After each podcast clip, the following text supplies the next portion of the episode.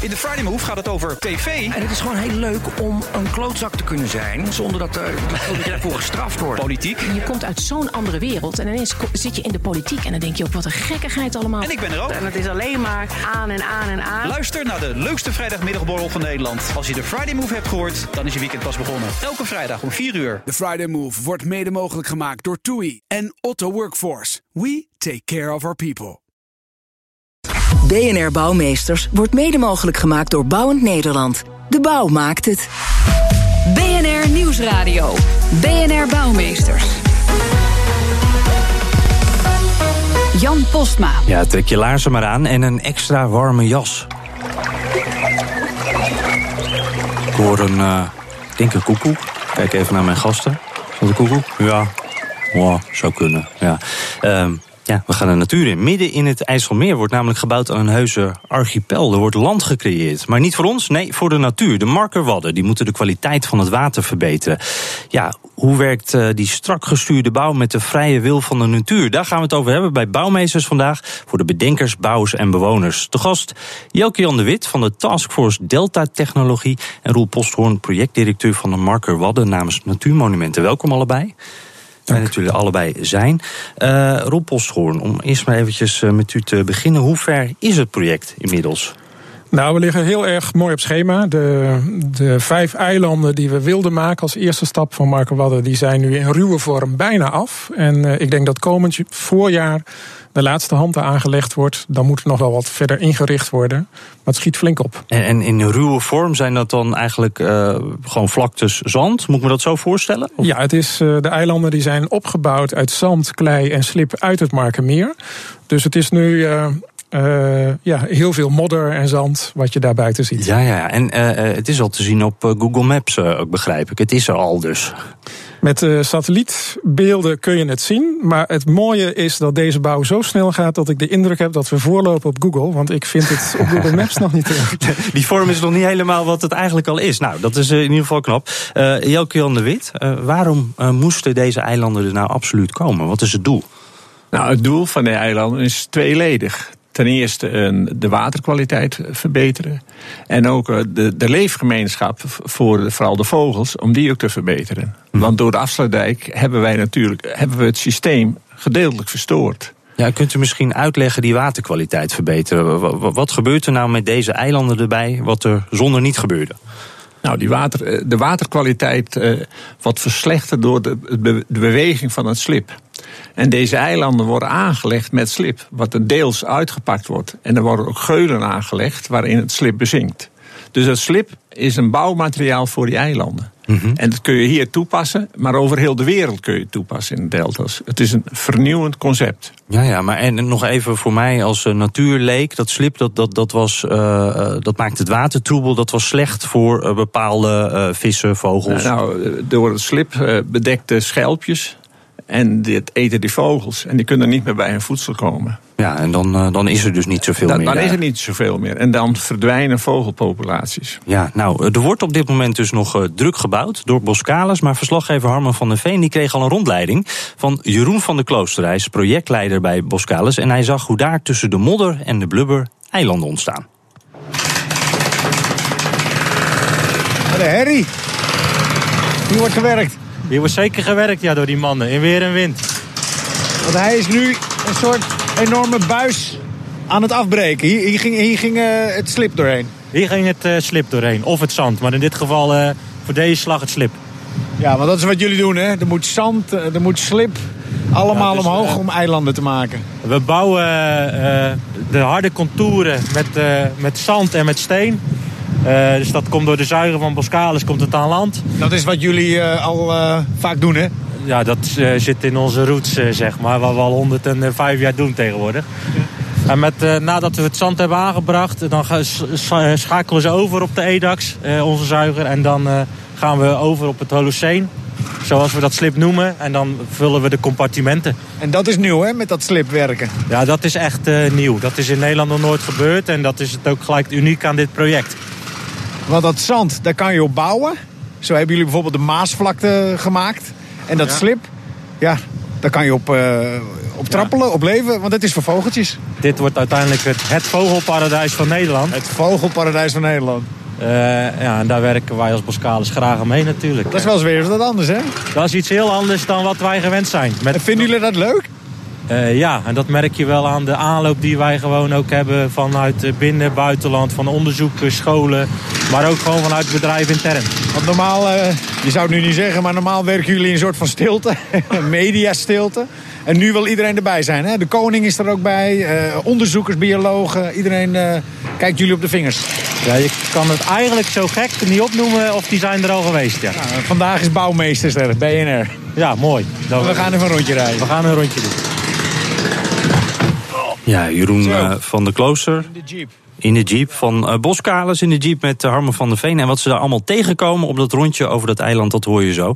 Uh, Roel Posthorn, ik kon net voorbij komen. Dit moet het vogelparadijs van Nederland worden. Is dit dan een soort Waddenzee in het klein, zeg maar? Moet ik het zo een beetje voorstellen? Nou, het Markermeer is uh, een restant van de oude Zuiderzee. Uh, maar er is nu geen getijde meer en ook geen, uh, geen zoutwater. Het is een zoetwatermeer. Maar ook in die zoetwatermeren heb je nog wel een behoorlijke waterstandsdynamiek. Verschil zeg maar, tussen hoge waterstand en mm -hmm. lage waterstand. Die wordt vooral door de wind veroorzaakt. Dus Markerwad is, is eigenlijk bedacht dat je heel veel land aanlegt... precies op de grens tussen land en water. En als je dan een wind hebt die het water wegblaast... dan vallen grote stukken droog. Ah, ja. En als je een wind hebt die uh, eigenlijk het water naar die eilanden toe, uh, toe blaast... dan zal een deel net onder water staan. Dus een soort eb en vloed, maar dan door net wind, even anders. Door de wind gedreven, ja. ja. Ja, Nou is er, hoorden we net ook al, veel aandacht voor dit project... in binnen- en buitenland. Is er nou bouwtechnisch iets te noemen waarom dit zo bijzonder is? Nou, Markerwad is wel vanuit een aantal optieken uh, bijzonder. Ik denk, een van de dingen die heel bijzonder is, is dat uh, we het heel erg ingestoken hebben als een samenwerkingsproject. Uh, dus ik ben niet alleen projectdirecteur vanuit Natuurmonumenten, maar ook vanuit Rijkswaterstaat. Uh, mm -hmm. die, die, dus samen besturen we het project. Ook de samenwerking met Boskalis gaat heel bijzonder. De mm -hmm. belangstelling van heel veel partijen die onderzoek willen doen, ook dat gaat in een samenwerking. Dus dat genereert heel veel energie. En dat is al ontzettend leuk om dat te merken. Mm -hmm. um, als je gewoon kijkt naar het aanleggen zelf, dan zitten daar wel meerdere dingen in die, die toch gewoon heel bijzonder zijn. Uh, we hebben heel erg als principe gekozen het bouwen met de natuur en het bouwen voor de natuur. Mm -hmm. uh, en dat bouwen met de natuur betekent eigenlijk dat we bijna alleen maar materiaal gebruiken wat uit het, uit het Markermeer zelf komt. Dus mm -hmm. zand, klei, slip. Uh, wat eigenlijk ook straks door de natuur door de, wij als mens leggen het aan. Maar de natuur gaat het vervolgens kneden in de vorm die het volgens de natuur zou moeten hebben. Zou, zou het dan ook kunnen dat we dus over een paar jaar hele andere eilanden hebben... met misschien heel anders dan we gepland hadden? Het gaat er absoluut anders uitzien dan hoe het er nu bij ligt. Ik denk dat, er is natuurlijk wel erg nagedacht uh, over uh, hoe je het dan ook technisch maakt. En dat het in ieder geval wel duurzaam is... Uh, dus maar met name zeg maar, op wat kleinere schaal. De stranden die aangelegd worden, die liggen er nu heel strak en recht bij. Ja. Ik denk dat de natuur daar net iets andere gedachten over zal hebben.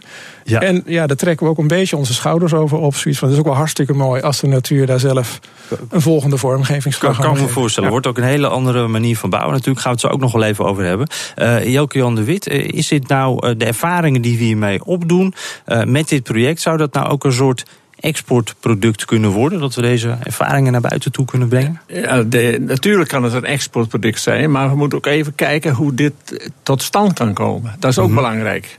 Want het belangrijke is dat er hier de taskforce vertegenwoordigt het bedrijfsleven in de breedste zin. Mm -hmm. En dit was, eigenlijk had Roel Posthoorn had een droom. Of natuurmonument. Die wou een eiland maken. Ja. En de taskforce heeft hem geholpen om die droom mogelijk te maken. Dat wil zeggen, overheid formuleert je doel. Roel zei, ik wil een eiland hebben, een tweeledig doel met die biotoop. En wij hebben als taskforce geholpen een proces te maken... waarin de stappen zo genomen werden dat het gerealiseerd werd. En de belemmeringen, de poortjes die we opwerpen door regelgeving... die hebben we in de prullenbak gegooid. Dus dat vind ik uniek. Het is uniek hoe het op die manier tot stand gekomen is. En de krachten en de kennis en know-how zijn op die wijze gebundeld. Het is een voorbeeld hoe je meer zou kunnen creëren. Betere projecten, meer kwaliteit En eigenlijk ook de schoonheid van het land in stand landt. Ja, ja, en als ik u dan zo hoor, dan, dan is het nou niet meteen uh, de, de, technische kant die dit bijzonder maakt, maar het gaat eigenlijk meer om de bestuurlijke, uh, het voortraject ook. Het, het gaat om het combineren van beide. Dus eigenlijk zeggen wij. Roel heeft uh, het doel geformuleerd en de overheid zou meer het doel moeten formuleren dan eindeloos bezig te zijn met de oplossingen. Waarbij Mhm. ze het doel uit het oog verliest en de burger het niet meer begrijpt. Ja. Korter, sneller, efficiënter. Ja, want Roel Postzoon, dit is ook iets waar al jaren over gesproken werd, toch? Ja, als Nederlandse samenleving hebben we, ik geloof, een jaar of 30, 40 gedebatteerd over het Markermeer. is goed besproken. Met heel veel plannen. Uh, maar uiteindelijk, uh, ja, een van de dingen die mij ontzettend triggerde om hiermee aan de slag te gaan, is dat je natuurlijk heel veel kunt leren door te studeren. Maar je kunt ook heel veel leren door te doen. En uh, dat, dat, dat leren door te doen, als je dat even combineert met leren door te studeren, dan gebeurt er in ieder geval ook wat. Mm -hmm. En bij het Markermeer waren we wel erg blijven hangen in het uh, studeren. En nu gaan we een beetje experimenteren eigenlijk. Ja, en daar leren we ook meteen wel weer heel erg veel van. En ik denk wat Jelke Jan net zei, dat, dat klopt uh, wel heel erg. De innovaties die we met Markerwalde bereiken, die zitten deels op de techniek. En dat bouwen we met slip. Heel groot deel zit uiteindelijk in de in de, uh, in de samenwerking, in de houding van partijen.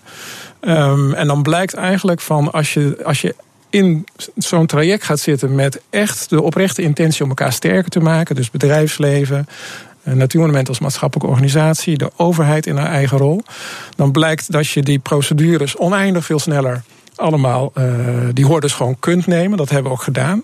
Voor natuurmonumenten was bijvoorbeeld een, een, bijvoorbeeld een belangrijke les om niet alles helemaal zelf te bedenken. Van als je innovaties wil, dan moet je ook ruimte laten. Dus we hebben het ontwerp van Markenwadden niet zelf bedacht, maar juist gewoon aan de marktpartijen ook gelaten. Bedenk daar nou eens een hele goede oplossing voor. Ja, en hoe dat dan precies is gegaan, daar gaan we het zo over hebben. BNR Nieuwsradio.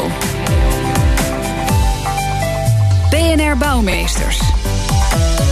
Nieuwe technieken om te bouwen met slip. En daardoor hebben we straks een prachtig nieuw stuk natuur voor Nederland. Maar niet alleen de bouwtechniek is nieuw, ook de aanloop er naartoe was anders dan anders. Daarover praat ik verder met mijn gasten. Joke Jan de Wit van de Taskforce Delta Technologie. En Roel Posthoorn, projectdirecteur van de Markerwadden namens Natuurmonumenten. Uh, Roel Posthoorn, uh, volgend jaar september. Dan moet het volgens mij toegankelijk zijn voor bezoekers. Uh, hoe ziet zo'n ja. dagje Markerwadden er dan uit?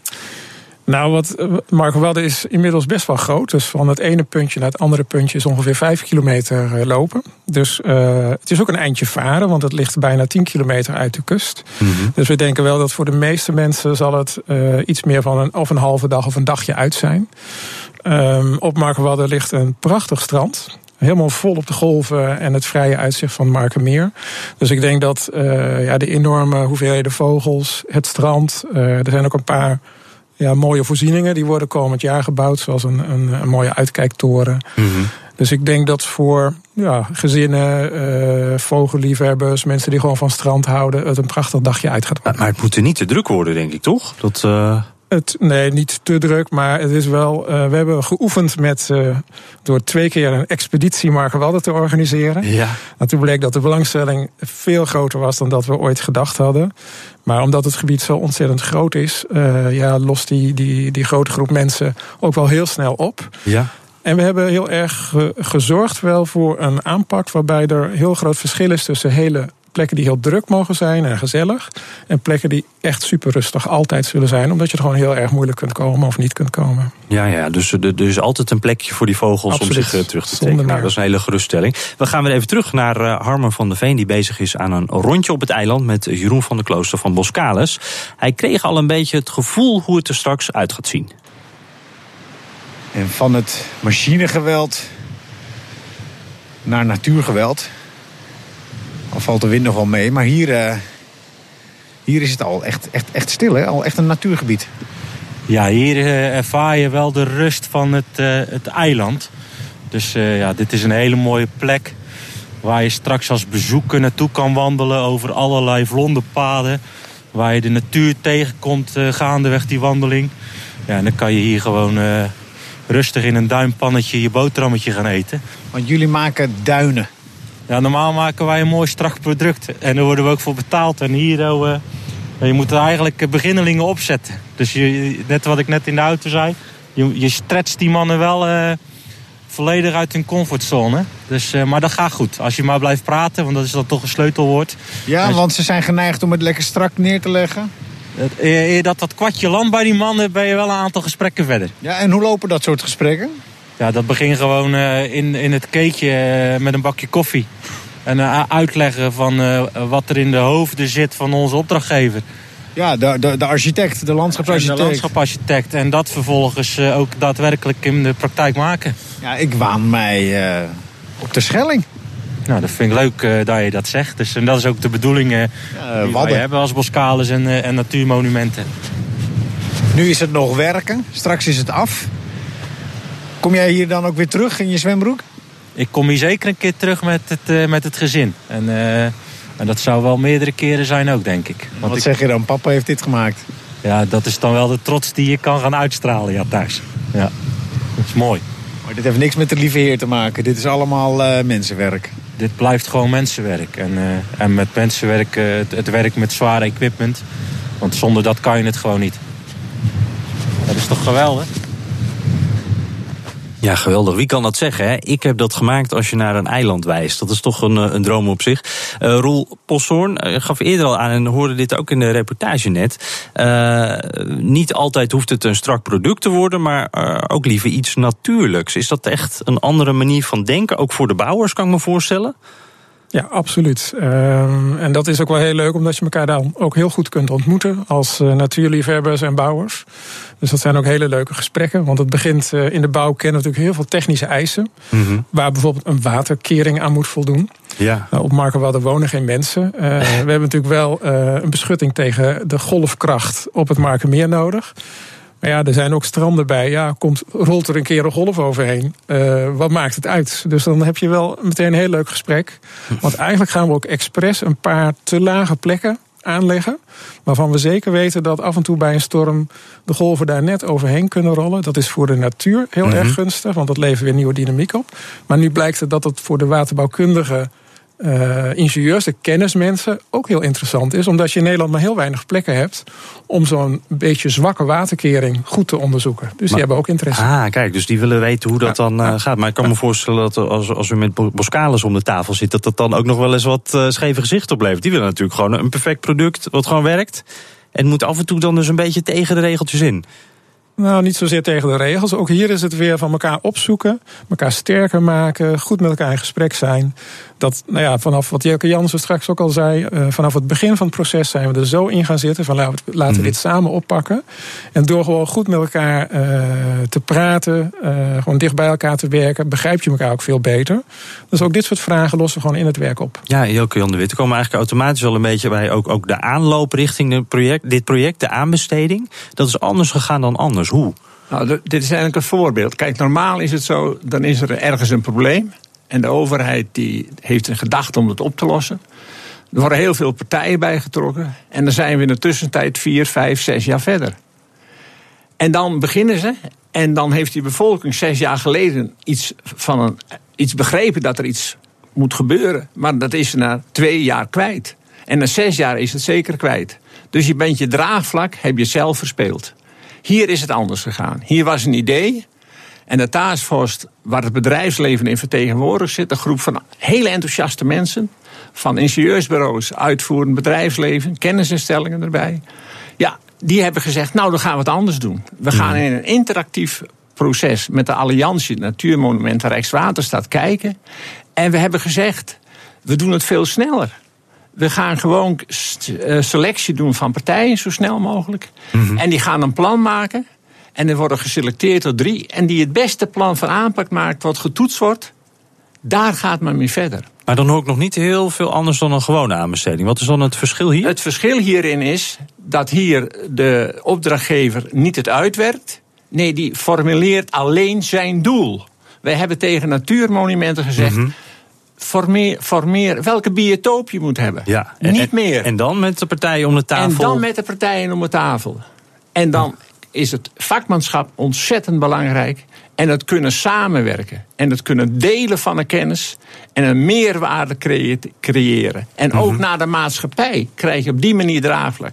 Je, Ja. de- je deelt het met een ieder. Ja, en het is ook eigenlijk dat eerder in het proces dus al kennis gedeeld wordt. Veel eerder in het proces. Maar dat lijkt me ook wel lastig voor die partijen. Want stel, eh, ik, ik zit daarin, ik deel mijn hele goede idee... maar ik krijg misschien niet de eindopdracht. Hoe, hoe, hoe vangt u dat op? Nou, uiteindelijk hebben alle partijen er belang bij dat wij een hoogwaardige maatschappij hebben van kennis. Dan kunnen we ook onze kennis echt exporteren. Het is heel dom om in je kolommetje te blijven zitten. Wij polderen in Nederland te veel vanuit kolommetjes. We zouden meer ons gezamenlijk doel moeten formuleren.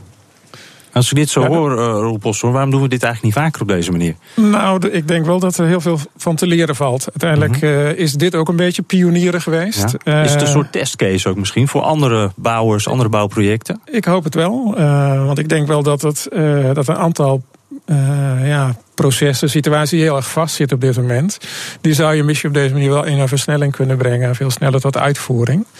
Nou, een van de dingen die we gedaan hebben is heel veel dingen precies andersom benaderen. We zijn eigenlijk begonnen met te denken vanuit de uitvoering. Stel dat iemand bij jou komt en zegt: morgen mag je beginnen. Uh, Markenmeer uh, moet gewoon opgeknapt worden. Mhm. Wat heb je dan precies nodig aan vergunningen? Dat bleek allemaal heel veel simpeler te zijn dan wat mensen van tevoren dachten. Ja, de Wit die knikt ook inderdaad. Ja. Zo is het gegaan. Zo Dat, is eh, het. Zo, ja. zo is het. Ja, uh, dank. Joke-Jan de Wit van de Taskforce Delta Technologie en Roel Postzoon, projectdirecteur van de Marker Wadden namens uh, Natuurmonumenten natuurlijk.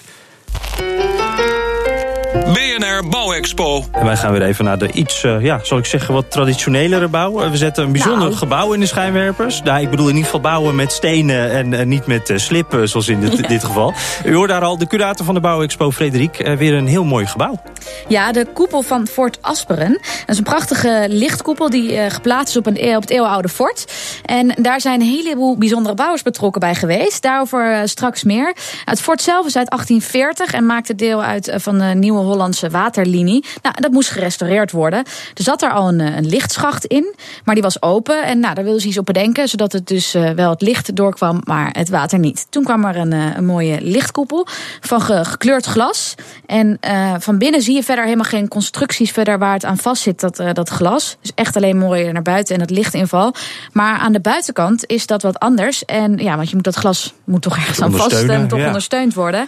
En hoe ze dat hebben gedaan, vertelde de architect Peter van Assen van architectenbureau Slaamijn. Dan hangen dus al die glazen leien liggen dus in, in stalen ringen en die hangen weer aan een grote houten constructie.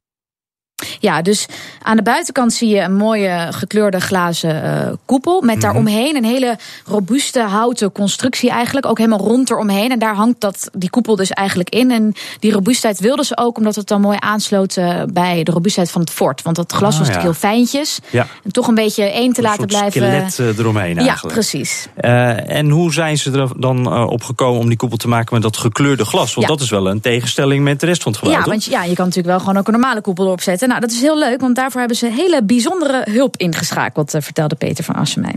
Architectuur maak je niet voor mensen, maar maak je ook met mensen. En omdat het fort altijd een, eh, een militair gebied is geweest, dus eigenlijk was het vroeger altijd een verboden gebied, je mocht er gewoon niet in.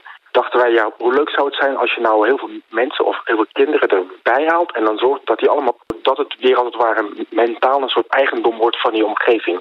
Ja, 600 kinderen hebben allemaal een stuk glas ontworpen. En hebben dat ook zelf vervolgens gemaakt bij het Nationaal Glasmuseum. En van al die stukken is die koepel dus uiteindelijk gemaakt. Dus als je, ja, net als de man net uh, op de van, van Boskalis kan zeggen: wijzen naar het eiland, kunnen deze kinderen naar de koepel wijzen Ja, en zeggen: heb hey, ik gemaakt. Heb ik gemaakt. Ja, Ja. ja, en in, inmiddels ook uh, gewoon toegankelijk, Ja, geloof ik. je hè? Kan uh, het aan de buitenkant uh, nu alleen nog even aan de buitenkant bekijken, want het is winter. En Ja. uh, in de winter uh, is de winterslaap van uh, de vleermuizen daar Oh, ja. in, in het gedeelte. Maar vanaf april kan je ook aan de binnenkant kijken. Ah, kijk, en Joke Jan de Wit, ik zag- wel even van, ja, die ken ik, hè? Ook Ja, wel eens geweest? Ja, ik woon er vlakbij. Ik kom er wel eens. Dus ik ken de ah, koepel. kijk. Fantastisch. Ja, bekende koepel. Aanradertje dus. Ja. Ja, nou mooi. Eh, ben je benieuwd hoe deze koepel eruit ziet? Je kan er langs gaan, eh, maar je kan ook even- even kijken op bnr.nl slash bouwmeesters. Daar vind je ook meer informatie. Ook nog meer filmpjes trouwens van de Marker Wadden. En je kunt ook eh, deze uitzending daar helemaal terugluisteren. Dat kan ook als podcast via iTunes of Spotify. En we zitten ook op Twitter, dus hebt u nog tips voor ons... of weet u nog een mooi bouwverhaal, BNR Bouw... of mail naar bouwmeesters.bnr.nl. Dank voor het luisteren. BNR Bouwmeesters wordt mede mogelijk gemaakt door Bouwend Nederland. De bouw maakt het. Duik mee in de wereld van ESG. Dit seizoen verkennen we hoe bedrijven hun strategieën rond duurzaamheid vormgeven. Ontdek de nieuwste innovaties in energietransitie en de impact van waterstof. Wie zijn de ware koplopers in duurzaamheid? Ik ben Donatello Piras, presentator en samen met Roetoei brengen we koplopers in ESG. Elke maandag om 2 uur te horen op BNR Nieuwsradio. Dit programma wordt mede mogelijk gemaakt door Missie H2. Samen maken we Nederland het waterstofland in 2030.